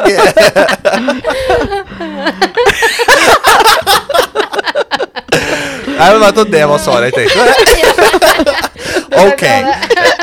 Nei, men eh, da skal vi slutte med det siste spørsmålet, da? Han er både en klovn og en dyktig politiker. det var det politisk korrekte. God til å danse. Ja, men du, Det var hyggelig at du ville prate med oss, eh, og at vi fikk lov til å komme. Takk Da- for at jeg gadd å komme helt til dalen og snakke med meg på en varm sommerkveld. Å, Jesus, så varmt det er. Ja, Ja, herregud. der, ja. Det er som å være i Thailand, liksom. ja. Ja, sånn der ut av flyet-greier. Du er Ja. liksom helt slik aircondition, og så bare Mellom beina mine så kommer jeg til å Hvis jeg skal gå nå, så kommer jeg til å få friksjonshår. For jeg er så svett. De kan få reise ned på låret. Moria og hoppe i Bandak før de kjører eh, hjem igjen. Ah, det er, det håndkle? Nei. Du kjenner ikke du lufttørker. Ja, ok, ok. Med lufttørker i bilen. Nei, men jeg skal ikke det. Hvorfor ikke? Kanskje vi møter noen trivelige jeg er på turister? maskara. Det er litt snobbefaktor i de turistene som er med Altså, badekåpen når du betaler altså. 3500 kroner for hotellopphold Ja. Herregud. Da skal du få lov til å jage deg Ja, altså- kjøtthuene som sitter på Bastøy i Støga. Et grov morgenjogger. Ja, ja. Fy fader, de drittungene. Ja, den stygge lille drittungen. Nei, men tusen takk for praten. Du må ha Takk kjempegod sommer. Ja, like måte. Njuta. Nå blir det, styk, nå blir det slutt på godværet. Da kan vi kose oss inne med Netflix. Å ja. Game of Thrones, har du sett den, eller? Jeg har sett alt. Elsker det. Jeg elsker det. Det er så trist at det ikke er mer. Det er så trist at jeg aldri skal liksom Jeg må, jeg må se det en gang til. Ja, jeg er enig. Tredje Tenk- gangen i reprise. Ja, tenk en runde til. Jeg gjør det så hardcore? Det er så bra. Ja, det er så kult. Du Det har er sett så det? Ja, jeg har brutalt. sett det en gang, men liksom eh, Se det på nytt. På Jeg, nytt, ser, jeg, jeg, jeg, jeg har jo sett er det to Lord of the. Rings. Lord of the Rings. Ja. Ja. Jeg har sett. Lord of the Rings, altså extended version. Jeg har aldri sett den, jeg. Jeg har sett den Eh, jeg, 20 ganger. Det er ligger Nå må vi legge på. God natt. Ja. Ha det bra. Og tjalabais.